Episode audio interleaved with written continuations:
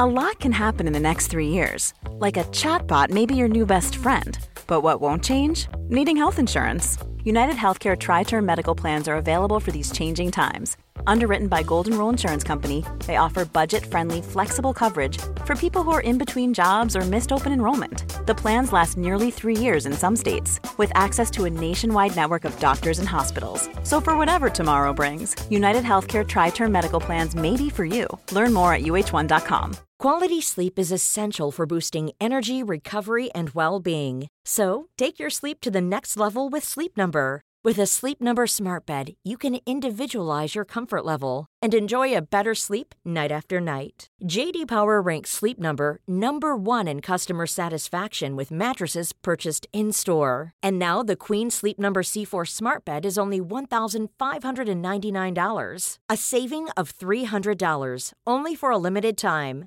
For JD Power 2023 award information, visit jdpower.com/awards. Only at Sleep Number stores or sleepnumber.com.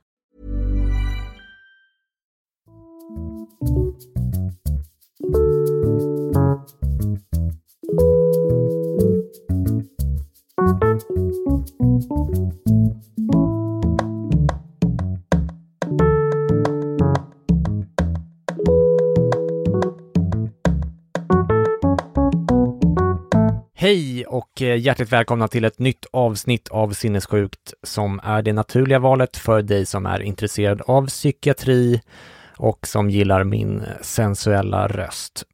Jag heter alltjämt Christian Dahlström och det har som ni kanske märkt dröjt två månader sedan det senaste avsnittet av podden. Det beror inte på lättja från min sida, förutom vabb vab och sportlov och annat eh, trams så har jag arbetat hårt med bland annat det evighetslånga bokprojekt som faktiskt gjorde att jag kom i kontakt med dagens gäst, Elias Eriksson. Vi får väl eh, se när den boken blir klar jag har dessutom läst en annan bok, nämligen Elias ännu outgivna lärobok om psykofarmaka på 700 sidor, vilket eh, tog ett par veckor bara det. Jag har även färdigställt den fjärde och sista delen av Freud-dokumentären som ju bara är tillgänglig för alla er patroner som fortsätter att strömma in. I dokumentären medverkar tre av världens främsta Freud-experter, förutom eh, Billy Larsson även Berkeley-professorerna Frank Salloway och Fredrik Cruz som är legendariska i fältet. För övrigt kommer jag även att eh, släppa intervjuerna med Salloway och Cruise i sin helhet eh, vad det lider. Dokumentären blev otroligt bra måste jag säga, eh, så ha lite självaktning och bli medlem på patreon.com sinnessjukt där det ju redan finns över 50 extra avsnitt av podden. Även den fjärde och sista delen av intervjun med Elias kommer att vara tillgänglig enbart för medlemmar, men som alltid så gäller att den som verkligen inte har råd på grund av eh, sjukskrivning eller vad det nu kan vara kan kontakta mig på Twitter så löser jag gratis lyssning ändå. Cashen eh, måste som bekant in, men jag vill inte heller undanhålla viktig information för någon. Patreon gör det ju också möjligt för mig att eh, inte ha företagssponsorer, så om jag säger någonting som verkar galet så vet ni att det är inte för att jag är köpt av eh, exempelvis läkemedelsföretag eller så, utan för att jag är obegåvad helt enkelt. Okej, dagens gäst är alltså Elias Eriksson som är professor i farmakologi på Göteborgs universitet. Jag begav mig till Göteborg tidigare i veckan över dagen för det som skulle bli ett över tre timmar långt samtal med Elias. Idag kommer ni att få första delen där ni dels som vanligt får en faktaruta. Elias får sedan svara på huruvida han uttalar sig för kategoriskt ibland, eh, hur det var att växa upp på Lillhagens mentalsjukhus, om eh, forskningen med vännen och Nobelpristagaren Arvid Carlsson, om den ovetenskapliga psykodynamiska psykiatrin och eh, debatterna med Johan Kullberg på 80-talet, varför han tycker att det var fel att lägga ner mentalsjukhusen och varför Elias tycker att eh, farmakologer överdriver vad man egentligen vet om hur psykofarmaka och eh, signalsubstanser fungerar. I den andra delen av intervjun frågar jag huruvida han tycker att eh, populära författare som Mia Lundin och Anders Hansen beskriver signalsubstanser på ett felaktigt vis. Vi pratar om den luddiga gränsen mellan psykofarmaka och andra läkemedel och eh, mellan psykiska sjukdomar och kroppssjukdomar. Eh, vi pratar om eh, kritik mot psykofarmaka och vad Elias tycker om eh, skojaren Peter Götze och Eh, varför Elias menar att depression har tydligast biologiska markörer av alla psykiska sjukdomar. Vi kommer i den delen även in på det ämne som intervjun främst handlar om, nämligen antidepressiva läkemedel. Runt en miljon svenskar tar antidepressiva. Tycker Elias att det är för mycket? Hur väl fungerar antidepressiva egentligen mot depression och Eh, vad beror de jobbiga insättnings och utsättningssymptomen på? I del tre fortsätter vi att prata om antidepp. Jag frågar huruvida antidepressiva fungerar även för barn och ifall det stämmer att antidepressiva ger en ökad självmordsrisk, vilket eh, vissa hävdar. Han får dessutom svara på vanlig kritik mot antidepp som eh, frågan kring huruvida de är beroendeframkallande eller inte. Högljudda kritiker menar ju även att medicinerna ökar antalet sjukskrivningar och att eh, de gör att sjukdomarna blir vanligare. Är det verkligen så? Och vad tänker Elias om uttrycket kemisk obalans? Ni får även veta om han tycker att det är så som Agnes Wold har sagt till mig, att eh, psykiatrin avkrävs svar om varför man blir sjuk eller varför mediciner fungerar, trots att man inom kroppsmedicinen sällan har en aning om just detta. Vi pratar om så kallad disease mongering och om de många patienter som testat olika typer av antidepp utan någon bättring. Är det någon mening att testa sig vidare i det läget? Den fjärde och sista delen sen är alltså bara tillgänglig för Patreon-medlemmar och den är en hel timme lång. Jag frågar Elias där huruvida ketamin och eh, psykedelika är överskattat och ifall det stämmer att läkemedelsbolag begraver studier som inte visar positiva resultat. Jag frågar också varför man numera inte gör några större framsteg inom psykofarmakautvecklingen och vilka de största genombrotten som trots allt har skett de senaste decennierna är. Vi får även eh, i det avsnittet två expertfrågor från Tove Mogren som är överläkare i psykiatri. Hon frågar Elias vilket han tror är nästa stora genombrott inom psykiatrisk behandling samt vilket forskningsprojekt han själv skulle vilja genomföra om han hade oändligt med resurser. Vi pratar även om schizofreni och antipsykotiska läkemedel, bensodiazepiner och om ADHD-mediciner och den antipsykiatriska kritiken mot just ADHD-mediciner under de senaste åren. Självklart får vi även i det avsnittet som vanligt era lyssnarfrågor där en annan professor, vår vän Christian Ryck, ställer en eh, lite syrlig fråga. Varför är Elias så arg på KBT?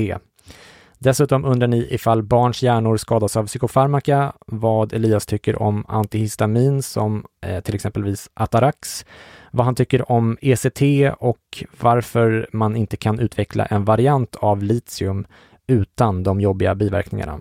Med det sagt så har det blivit dags att ställa tillbaka klockan ett år som man ju gör när man åker till Göteborg där vi nu ska träffa den mycket kunnige och rolige professorn Elias Eriksson från den 21 mars i år och vi börjar alltså med en faktaruta. Varsågoda!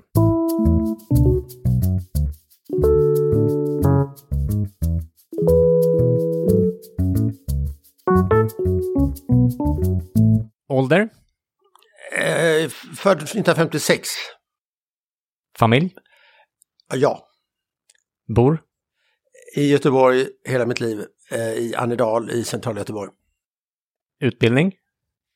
Jag började läsa medicin i tanken att faktiskt bli psykiater och sen eh, hamnade jag på eh, farmakologen eh, i Göteborg som är en teoretisk institution eh, som då leddes av världens ledande psykofarmakolog. Och jag tyckte det var så, Arvid Carlsson, eh, och jag tyckte det var så pass trevligt så jag har inte kommit därifrån än. Eh, så jag, det blev aldrig av att jag, att jag blev psykiater, utan jag har hållit på mycket då med psykiatrisk forskning där. Mm. Lön? Nej, det är, jag är väldigt privatperson, det säger jag inte. Alltså? Nej. Alldeles tillräcklig lön kan jag säga, alldeles tillräcklig. Eh, jag har aldrig varit så intresserad. Av, nej, det, det, det. Jag vet inte ens vad jag har lön faktiskt, men jag har vad man har som universitetsanställd. Mm. Under vilken period mådde du som bäst hittills i ditt liv? Som bäst? Det är också lite privat fråga, men eh, nej, det kan jag inte säga. Det är svårt, tyvärr. Jag tråkiga svar här, men eh, det går upp och ner. Mm. Jag är inte alltid på topp, men det är, nej, man får, nej. Under vilken period mådde du som sämst då, hittills i ditt liv? Ja, det är också svårt att säga. Eh, nej, då och då. Men inte, jag kan inte peka ut, nej, absolut ingen olycklig barndom och ingen, nej, nej, jag kan inte säga, peka ut något speciellt. Har du haft någon psykiatrisk diagnos? Ja, det är också rätt privat. Jag kan säga att jag har nog inte berättat ens om jag hade haft skoskav i en podd. Jag tycker i och för sig att det är bra att folk pratar om psykiatriska diagnoser eh, för att avstigmatisera. Men å andra sidan är jag själv en rätt eh, privat typ. Så jag som sagt hade nog inte ens berättat om jag haft eh, nageltrång eller skoskav. Jag gissar att du inte kommer svara på nästa fråga heller. Har du gått i terapi? Det kan jag definitivt säga att det har jag inte eh, gjort. Eh, eh, det har jag absolut inte gjort, nej. Jag är lite skeptisk till, eh, som vi kanske kommer in på sen, till den form av formaliserad psykoterapi som jag tänker mig att du syftar på. Mm. Eh, därmed inte sagt att jag inte mm, tycker att det är inom psykiatrin att det är personliga bemötandet av patienter och och, och, att man ägnar mycket tid åt dem och pratar med dem. Så det är mm. jätteviktigt. Men just eh, formaliserad psykoterapi har inte varit min grej riktigt. Nej. Har du någon förebild? Nej, det kan jag väl inte säga, mm, men det är om man eh, sådär allmänt i livet, det är klart det finns eh, eh, författare och så man gillar, jag gillar, men om man ska säga inom vårt område, om, man, om, man, om jag då för att göra frågorna mindre privata och mer professionella ska titta inom vårt område så är det klart att Arvid Carlsson har ju varit en förebild för enormt många psykofarmakologer här i världen. Och sen finns det vissa psykiatrer. Jag tycker har varit, gjort stora insatser. Mm, en amerikan som heter Don Klein tycker jag gjorde, Donald Klein tycker jag till exempel var väldigt bra. Han är död nu, men um, förebild vet jag inte, nej. nej. Eh, vilken är din största professionella framgång? Eh, ja, där kan jag faktiskt säga att vi, jag vill inte, jag är mycket noga med att, att inte förhäva mig i sådana här sammanhang, för det gör man mycket i, i forskningsvärld. Folk talar hela tiden om hur excellenta de är och sådär, och det tycker jag är fånigt. Men vi har, jag har haft väldigt tur, eh, och det är mer tur och skicklighet, att vi har faktiskt, eh, eh den verksamhet jag har varit involverad i har faktiskt lett till i flera fall att vi kunnat påverka klinisk praxis i, eh, runt om i världen. Och det har ju varit väldigt skojigt. Det gällde först eh, behandling av panikångest eh, där vi, eh, inte tack vare mig, men jag var involverad, eh, var först med eh, den behandling som idag är den gängse och sen i stort sett först ska jag säga. Och eh, sen likaså eh, det som kallas numera premenstruellt dysforiskt syndrom, eller PMS eh, allmänt kallat, där vi också var de som introducerade det som idag är förstahandsbehandling. Så de två ser jag väl som Eh, till exempel två eh, kul grejer. Det är alltid roligt när det är kort från, från um, forskningen till klinik. Att man mm. kan, och jag är ju på en teoretisk institution och där normalt är det ju ser man ju målet någonstans långt i fjärran. Men, men eh, vad som var lockande med att eh, jobba just hos Arvid Carlsson i Göteborg det var ju att han hade i högsta grad kunnat påverka kliniken genom sina upptäckter. Först med behandling av Parkinson och sen psykos och depression och så vidare. Eh, och det var lite därför jag tyckte det var lockande att vara där. Och vi har då haft turen att få, också få vara med om det några gånger och det har varit skoj. Mm. Vad kör du för bil? Mm, jag kör en sån där mycket liten, mycket liten Fiat, eh, två, vad heter den, 5500. Mm, eh, jätte, jättebra bil. Eh, min fru har en lite större bil men jag tycker den är utmärkt. Mm. I valet senast röstade jag på Socialdemokraterna till riksdagen och regionen och Moderaterna till kommunen. Vad röstade du på? Också lite privat fråga kan jag väl säga som jag nog inte vill besvara men jag kan väl säga att jag jag är ingen stor beundrare av den sittande regeringen, så mycket kan jag säga. jag tror det här låter stanna vid det. Mm. Har du något motto? Nej. Eh, när var senast du grät? Jag kommer inte ihåg. När var senast du var onykter? Jag var onykter? Ja, det beror på vem du frågar, men eh, det är jag ibland. Rätt, mm. inte allt för sällan. Nej, inte, jag är inte som man var, jag var i min ungdom och rejält berusad ofta. Eller då och då. ofta kan jag säga. Mm. Men eh, det är klart att jag dricker en hel del vin och så, det gör jag. Mm. Eh, om man tittar in i belastningsregistret, hittar man någonting på dig då? Det vet jag. Jag har dålig koll på vad som är belastningsregistret. Det är säkert jag har ju inte aldrig varit eh, åtalad och sånt där men jag har ju haft någon, någon fortkörning och sådär och, och, och eh, jag har väl en del eh, parkeringsavgifter som hamnat hos Kronofogden. Jag vet inte om sånt syns i belastningsregistret. Men jag har, inte, nej, jag har aldrig stått inför skranket. Än, ännu. det är aldrig för sent. Nej, det är inte för sent. Eh, vad läser du? Skönlitteratur, Nej, vad, vad, jag läser allt möjligt. Eh, det är också en privat fråga, men det kan jag ändå... Mm, jag har några favoritförfattare. Just nu håller jag på att läsa om Bröderna Karamazov och Dostojevskij som jag tycker är en fantastiskt bra bok. Eh, jag rekommenderar alla att läsa mer Dostojevskij. Det är mm, eh, de Idioten och Brott och straff så är jättebra. Och sen har jag många andra förutfattare, Jag läser rätt mycket. Eh, jag är tjust i den franske eh, författaren Jean Simenon som skrev en eh, massa eh, Dels ehm, eh, romaner om eh, kommissarie Maigret, eh, lite detektivromansartade men väldigt god litteratur och sen skrev han en massa andra romaner också, väldigt produktiv, eh, lysande författare. Jag läser en hel del av den engelske humoristen P.G. Woodhouse, som jag också tycker är skoj. Eh, jag läser rätt mycket. Mm. Vad lyssnar du på? Jag lyssnar också väldigt mycket på musik hela tiden när jag jobbar och så, så att uh, det är allt möjligt. Eh, på senare år har jag börjat lyssna mer på jazz än jag gjorde förr. Eh, rätt mycket. Det är en tillfällig eh, vurm kanske som går över men det, det har dominerat om man skulle titta på min Spotify får man där på året mm, vad du mm, lyssnat mm, mest på. Det har nog varit rätt mycket jazz faktiskt. Inte av den mer experimentella konstiga typen men ganska konventionell jazz. Men jag lyssnar på allt möjligt. Vad ser du på? Jag är, var förr väldigt filmintresserad um, i min ungdom um, och gick väldigt mycket på, såg film och så. Uh, och var väldigt, uh, kände mig lite pretentiöst som en cineast. Mm. Uh, numera har tyvärr det minskat med åren, eh, biobesöken, vilket jag är ledsen för. Som alla andra ser jag väl en annan, jag ser ju film fortfarande, men eh, det är inte så att jag följer en rad regissörer och kan säga precis vad deras senaste film och så som jag kunde för. Mm. Eh, och sen som alla andra så ser jag väl en annan HBO-serie och en annan, jag ser väl också fram emot nästa säsong av Succession som alla andra. Mm. Ungefär så. Mm. Vad använder du din smartphone till?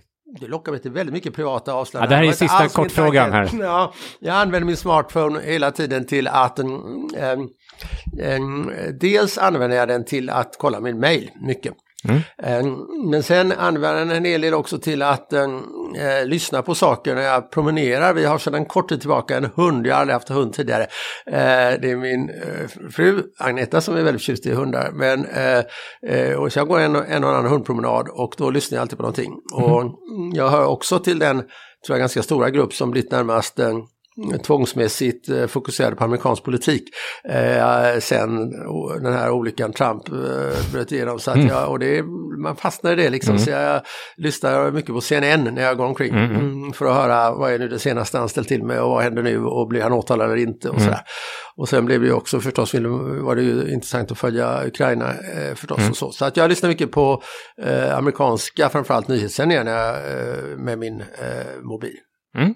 Det var kortfrågorna. Det gick ju ja, jättebra. Sådär bra kan vi säga. Men, men eh, ja, nej, jag är inte, jag är rätt eh, privat sådär. Ja.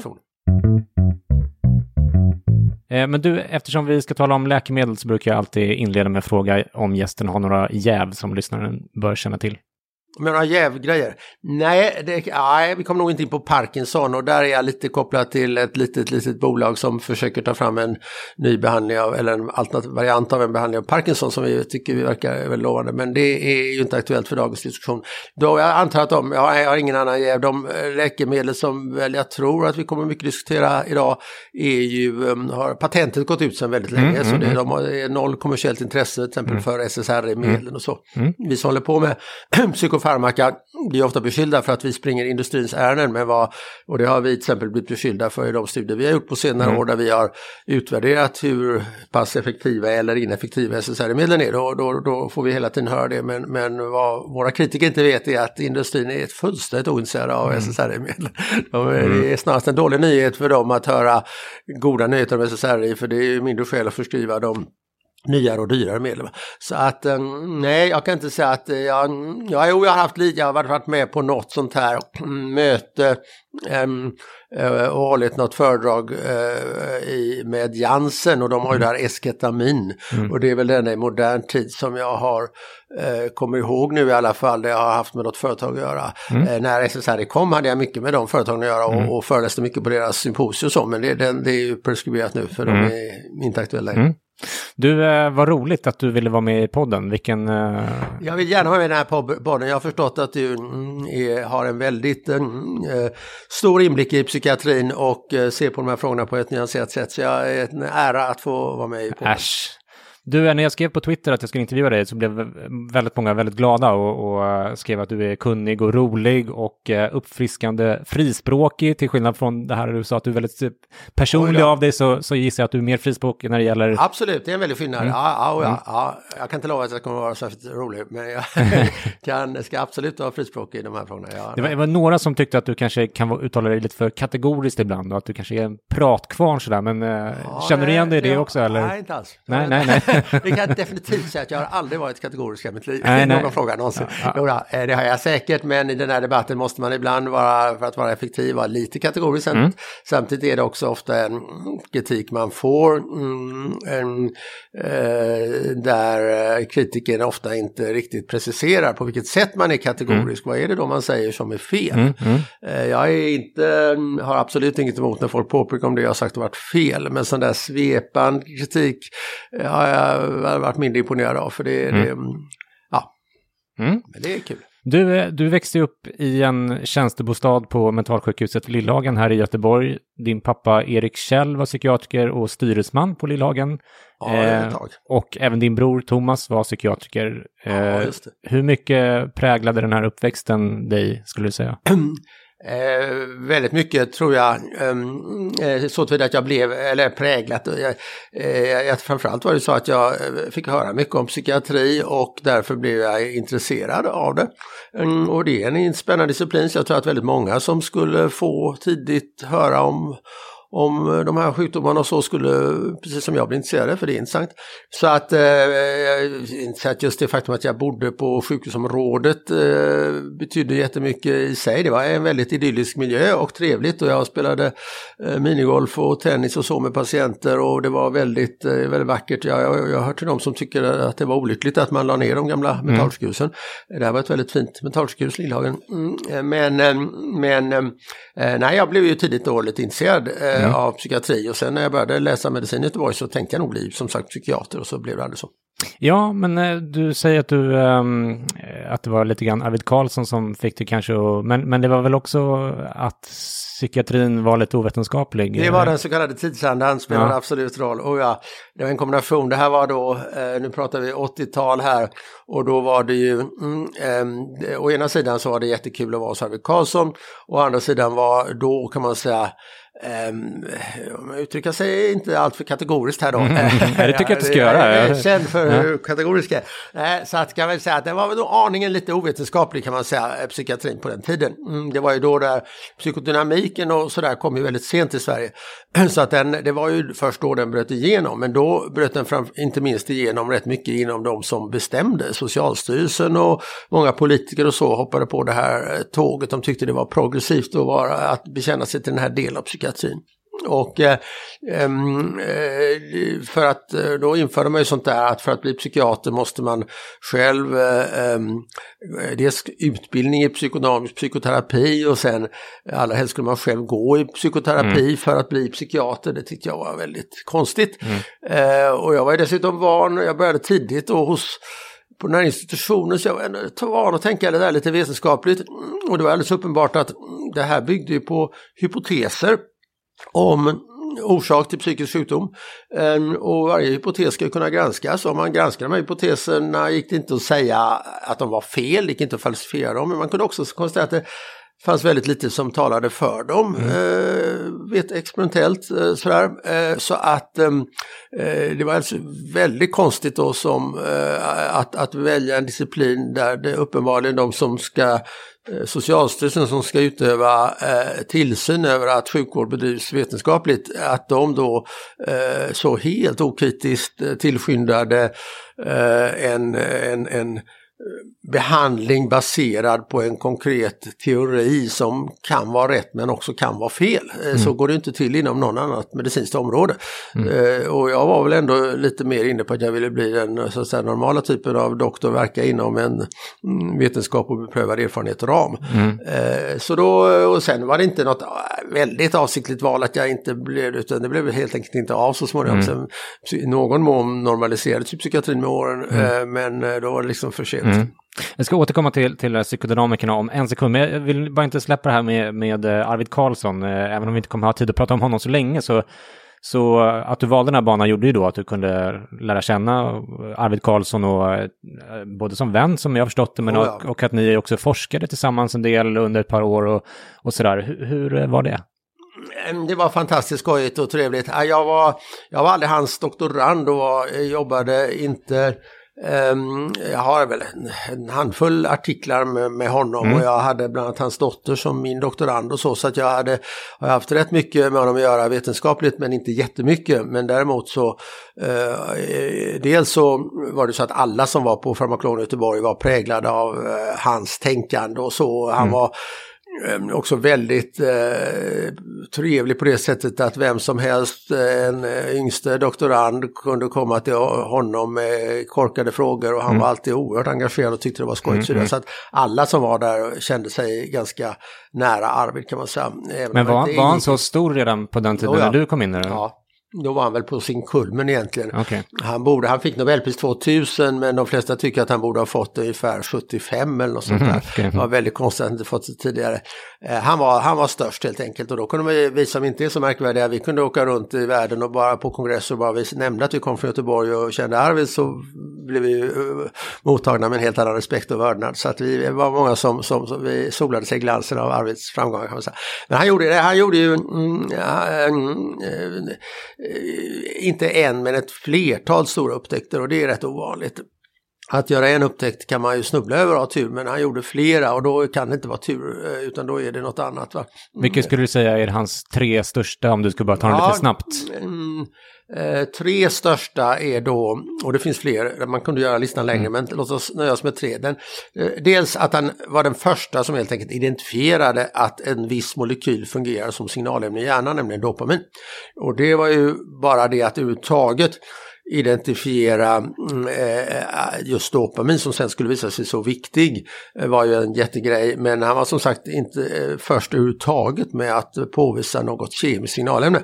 Långt före man kände till att glutamat och GABA och sådär och, fungerar som signalämnen. Så det var, det var stort och i samma veva, det räknar jag då till upptäckt nummer ett, eh, visade han ju då också att man, att man mm, på djur som eh, inte hade något dopamin, de blir då väldigt orörliga, att man där kunde få dem rörliga igen genom att ge dem en försubstans som går in i hjärnan och omvandlas till dopamin. Och det var ju det som ledde fram till det som fortfarande är den, den dominerande behandlingen av Parkinsons sjukdom, levodopa. Så det har ju betytt enormt mycket för miljontals människor.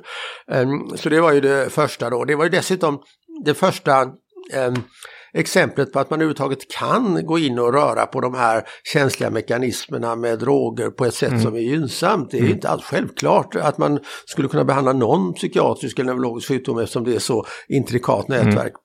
Så att man kan säga att det var ju startskott över hela neuropsykofarmakologin kan man säga, det, det försöket. Mm, eh, det var upptäckt nummer ett då.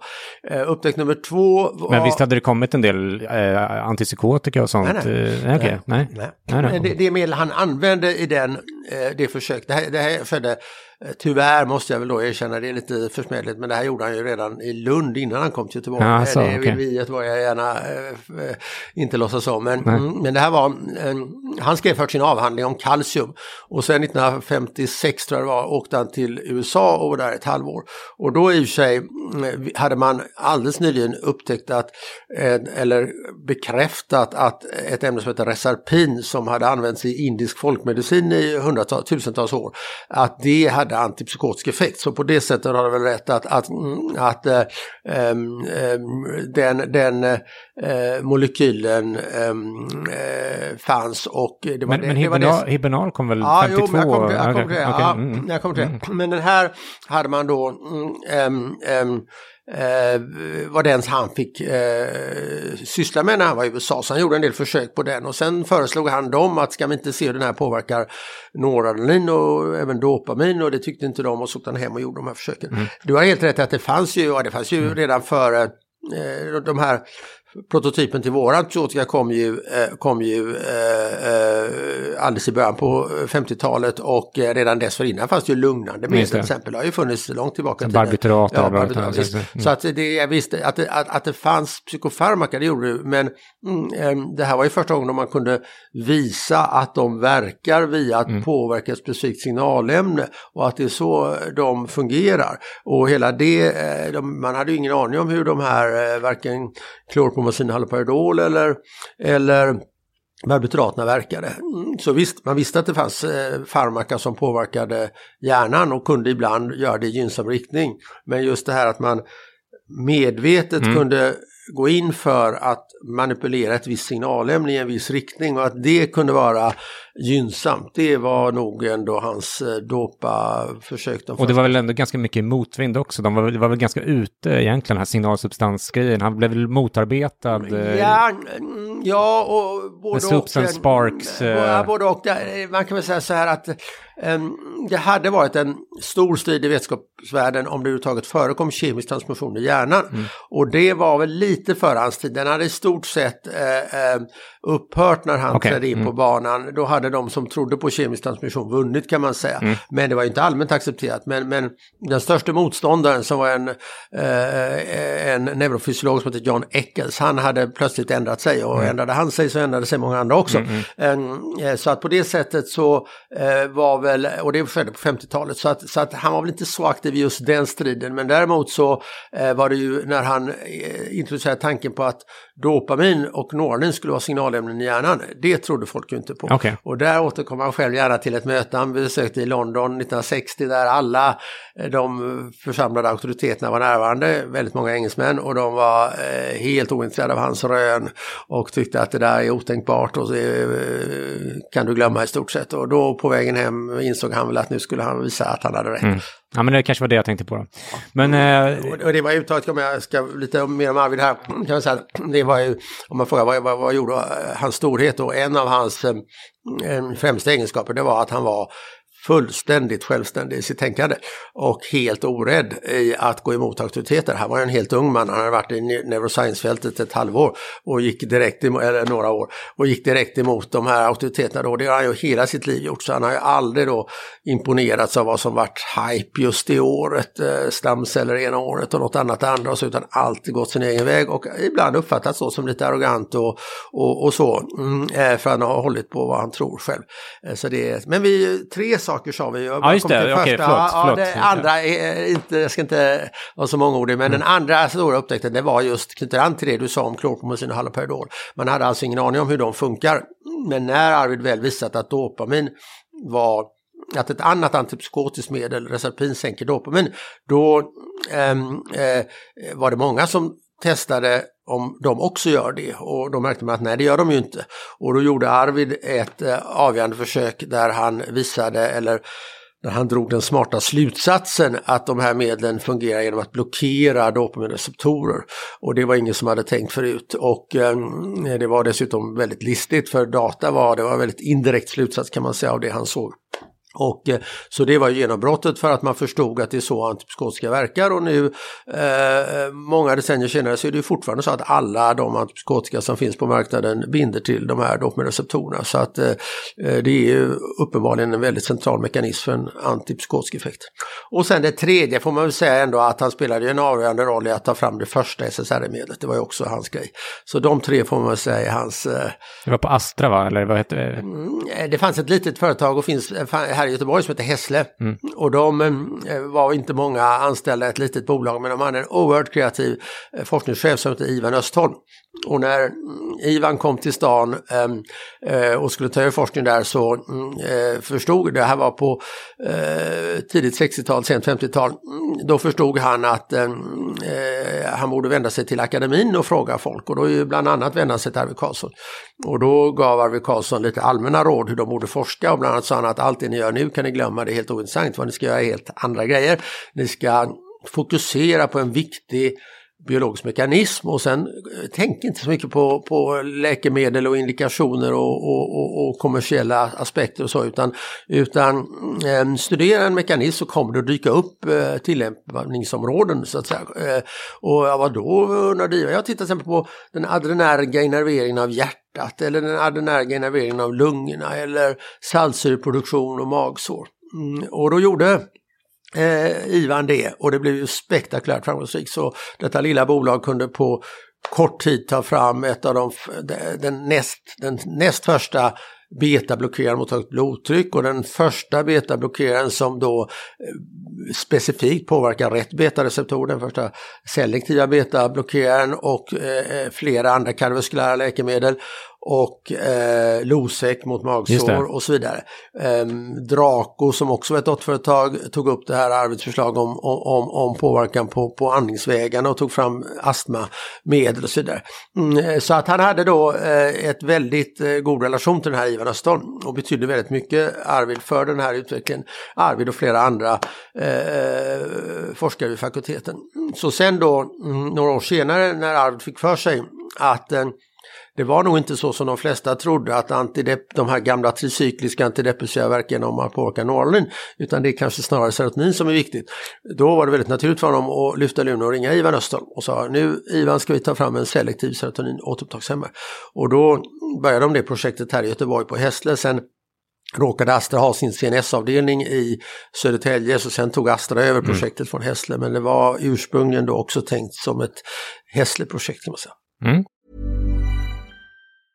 Quality sleep is essential for boosting energy, recovery, and well being. So, take your sleep to the next level with Sleep Number. With a Sleep Number smart bed, you can individualize your comfort level and enjoy a better sleep night after night. JD Power ranks Sleep Number number 1 in customer satisfaction with mattresses purchased in-store. And now the Queen Sleep Number C4 smart bed is only $1,599, a saving of $300 only for a limited time. For JD Power 2023 award information, visit jdpower.com/awards. Only at Sleep Number stores or sleepnumber.com. A lot can happen in the next 3 years. Like a chatbot may be your new best friend. But what won't change? Needing health insurance. United Healthcare tri-term medical plans are available for these changing times Underwritten by Golden Rule Insurance Company, they offer budget-friendly, flexible coverage for people who are in between jobs or missed open enrollment. The plans last nearly three years in some states, with access to a nationwide network of doctors and hospitals. So for whatever tomorrow brings, United Healthcare Tri-Term Medical Plans may be for you. Learn more at uh1.com. Du, jag har ju läst lite av den debatt som bland annat du och Johan Kullberg hade på 80-talet om den nya psykodynamiska modellen som tog över delar av eh, psykiatrin, eller stora delar av psykiatrin, som du var inne på alldeles nyss. Jag vet att även din pappa och din bror var kritiska till det här. Och det som slår en när man läser de här artiklarna är den väldigt tunna fernissa av vetenskaplighet som de här psykodynamikerna försvarar sig med det är väldigt halvhjärtat på något sätt ur en vetenskaplig bemärkelse. Ja, det tyckte jag då och det tycker jag fortfarande. Men eh, det var till och med så att det insåg man de själva. Så att de helt, eh, vad som hände här var ju att man ifrågasätter helt det normala vetenskapliga sättet att tänka. Det som vi kallar positivism med statistik och jämförelser och kontrollgrupper och så vidare. Utan då, då införde man det här hermeneutiska tänkandet och det, det påverkade andra vetenskapsområden också. Litteraturvetenskap och historia och så här. Många ville vara hermeneutiker på den här tiden. Mm, och riktigt vad hermeneutik Eh, innebär har jag aldrig riktigt eh, fått kläm på kan jag säga. Jag har mm. försökt men det är svårt. Men det är, i stort sett är det att det, det, man kan inte, vissa saker kan inte beskrivas med siffror och statistik och, och, och, så utan det här gäller att leva sig in i och, och på något mera mystiskt sätt uppleva och så. Så då när man sa då att ja men ni eh, kan ju inte visa några kontrollerade studier där det visar att den här psykodynamiska terapin är bättre än någonting annat. Så sa de, nej men det går inte att visa utan det, det får man liksom känna sig till att den är. Mm. och det är inte, det är, då kommer man ju inte vidare i en sån, en sån, en sån diskussion. Va? Eh, det går liksom inte att eh, komma någon vart. Och, och, så tyckte jag ju det var på den tiden och, och jag hade ju inte haft någonting alls emot den.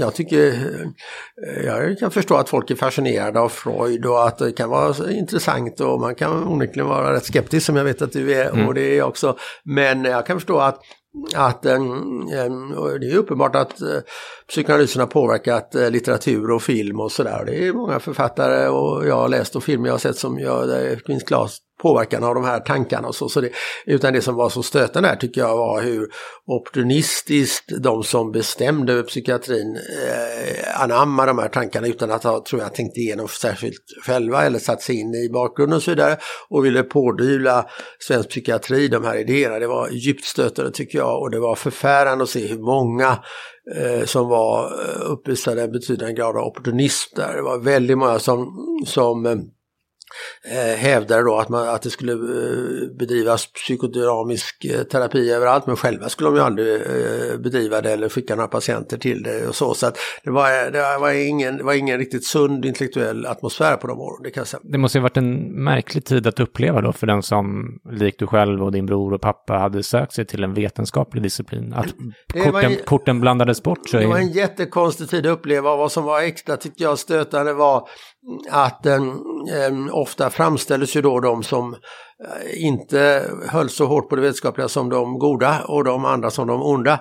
Eh, om man eh, var ändå inte negativ till psykofarmaka och om man var skeptisk till Freuds hypoteser då, då, då därmed var man inte eh, överhuvudtaget mån om någon slags varm och empatisk kontakt med patienter. Då var man någon slags kylig pillerutdelare.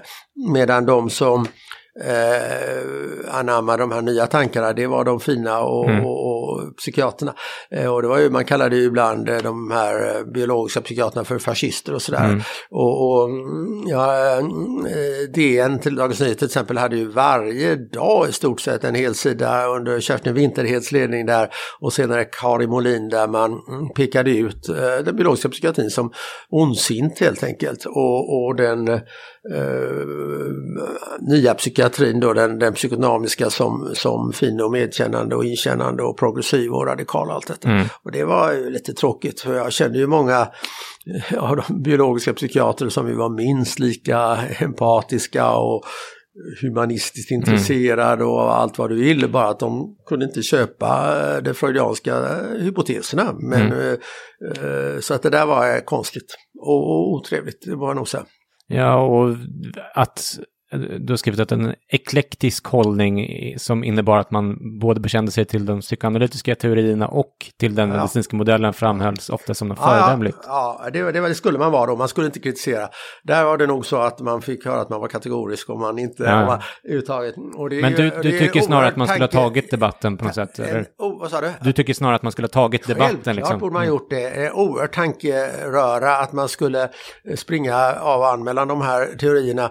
Man får ta ställning ställning till vad är stödet för den här teorin just nu. Och det var ju även så då att mm, vissa mottagningar på vissa ställen bekände sig till psykodynamiska läror och vissa andra bedrev mer traditionell psykiatri. Och det var ju inte så att patienterna skickades dit där de passade, det var ju slump. Så att om man råkade få en psykiatrisk sjukdom i ett område där det bara fanns en dynamisk mottagning, då blev man, eh, fick man den behandlingen och insjuknade någon annanstans fick man någon annan behandling. Och så kan man inte hålla på. Eh, så skulle det inte funka i, i, i eh, medicin, internmedicin eller kirurgi, att, att behandlingen, beror, behandlingen och förklaringen till varför du är sjuk eh, hänger på var du bor.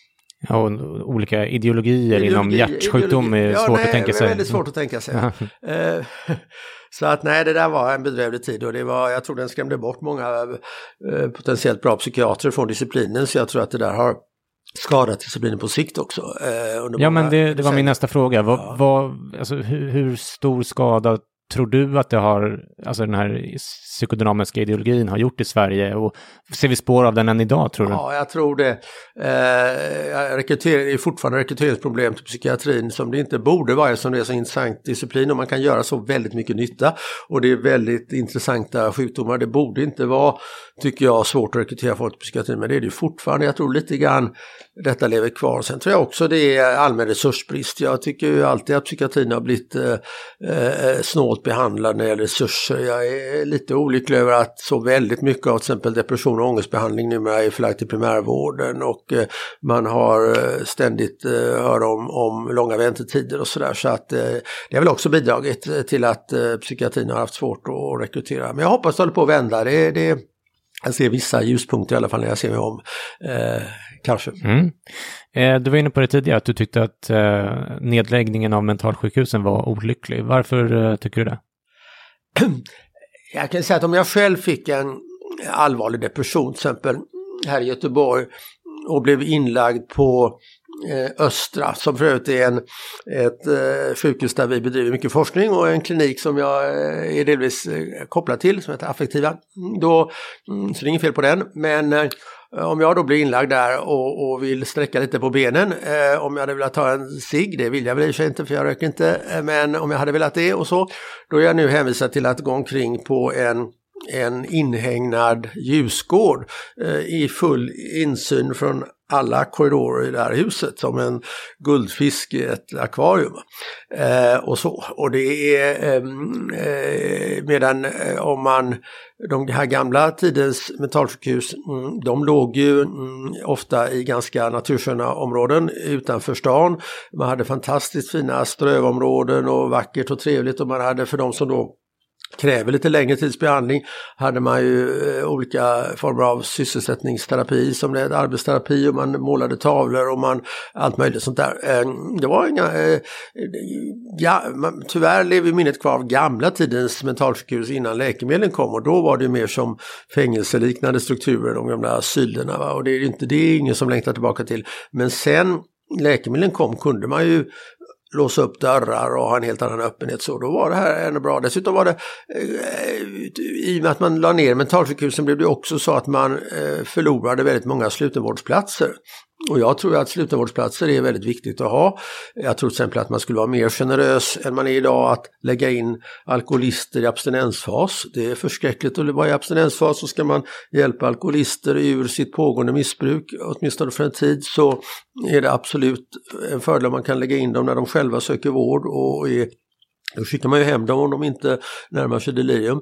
Jag tycker att man borde ha längre vårdtider, till exempel för att eh, vid behandling av schizofreni till exempel eh, för att kunna just nedjustera läkemedlen till absolut lägsta effektiva dos. Det var ju någonting man genom att ha ganska hyggligt långa vårdtider kunde man ju se till att man inte övermedicinerade eh, och därmed minimerade biverkningarna. Det gäller, jag vet inte om vi kommer in på antipsykosmediciner sen. Mm. Men där gäller det verkligen att ha absolut så låg dos som möjligt för de har ju tyvärr mycket ogynnsamma biverkningar.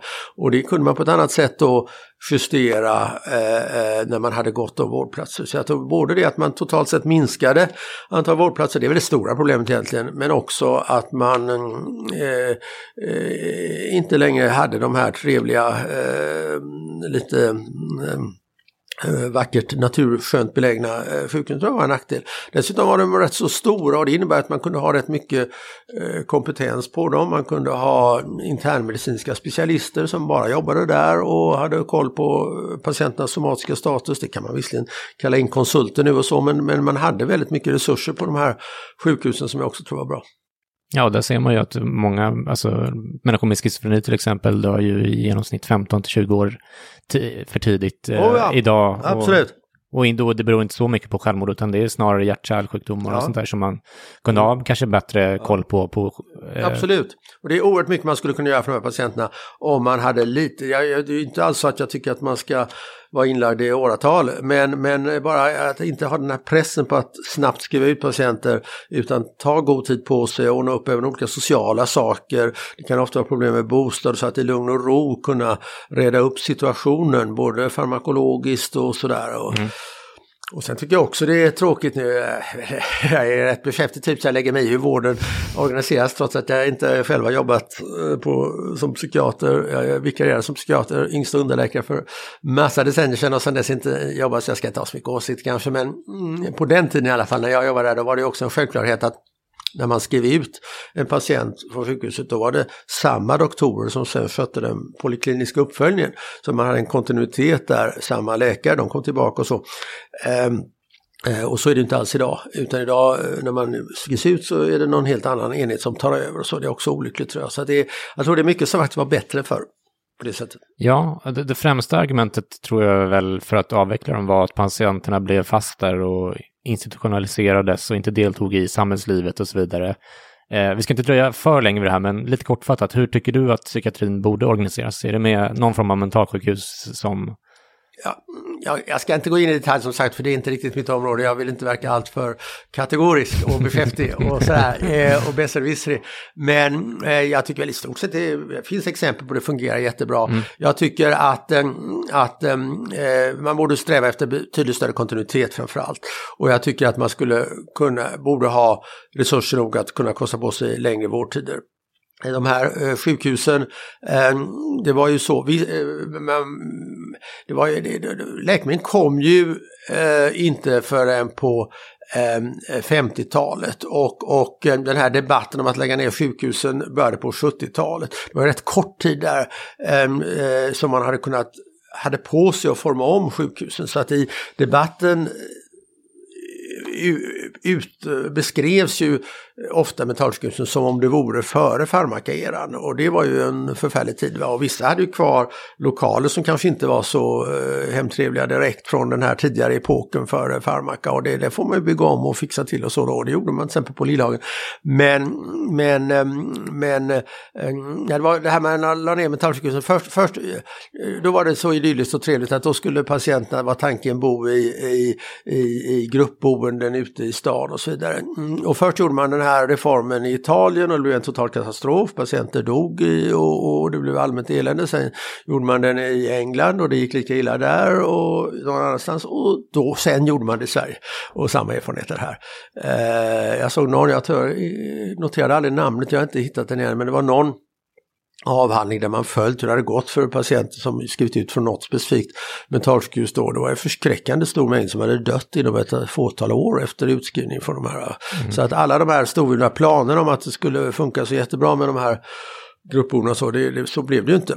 Men hur man ska lägga upp det istället så det, det ska jag kanske inte ha för mycket åsikter om. Men eh, kontinuitet jag väl är det framförallt väldigt viktigt. Mm.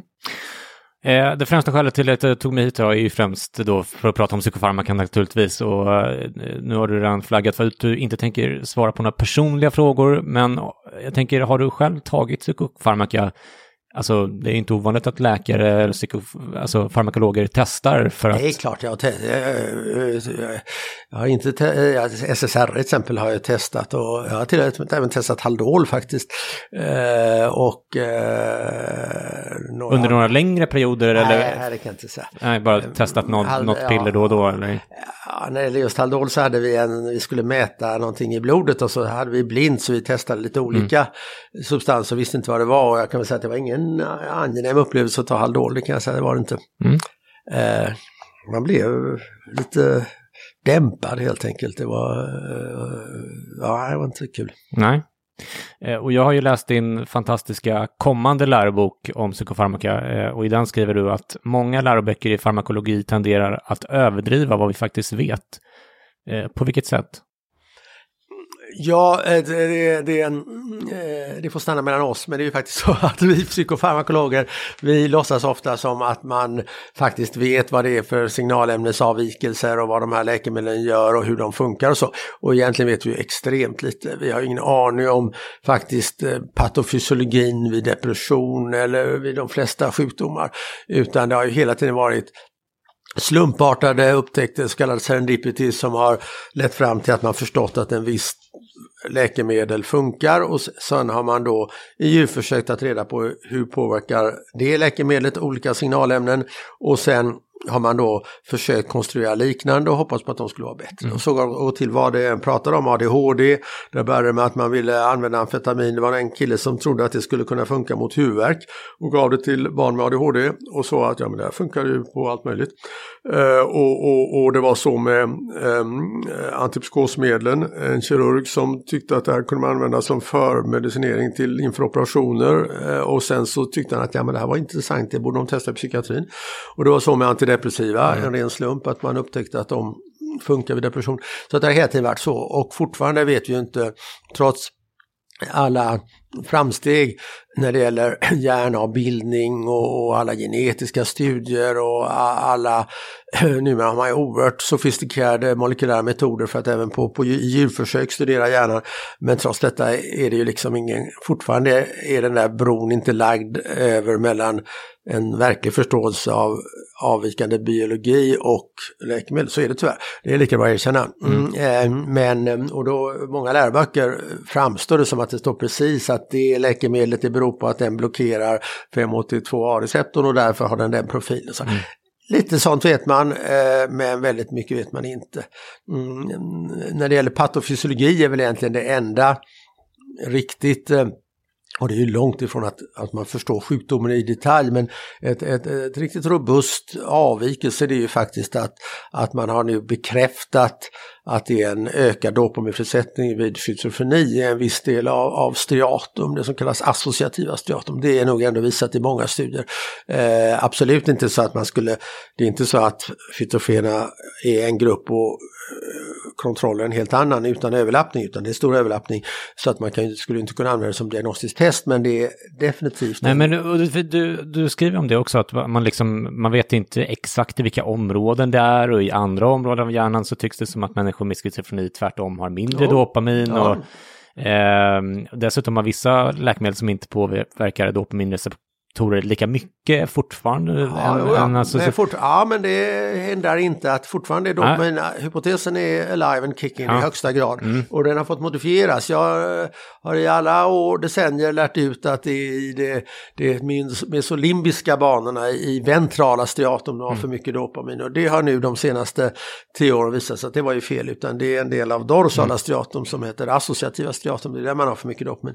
Men det har man och eh, fortfarande gäller ju att alla alla de läkemedel som används för schizofreni eh, är eh, blockerade dopamинreceptorer.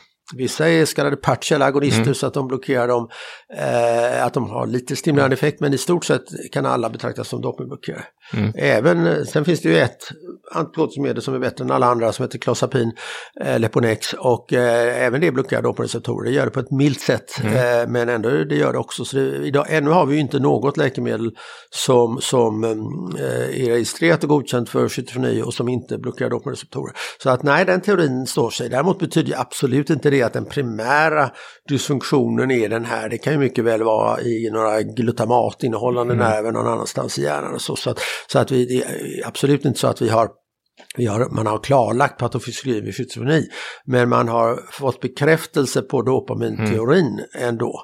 Det får man säga, den teori som då Arvid Kansells lanserade mm. 1963, den, den har, eller ännu tidigare då med Resarpin, den har, den har då ändå bekräftats. Och det, det är vi inte mm. bortkända med i våra sammanhang, så det ser vi som en framgång. Mm. Vid depression däremot så har vi fortfarande inte någon tydlig koppling mellan serotonin och depression. Det kom en artikel som du kanske såg i somras där några besserwissrar hade gått igenom litteraturen på eh, när man har på olika primitiva sätt försökt mäta serotoninaktiviteten i hjärnan och så kom de här på fram till då att nej, det är ingen, man har inte kunnat påvisa någon skillnad och därför är det ingen skillnad och därför ska man sluta använda SSRI.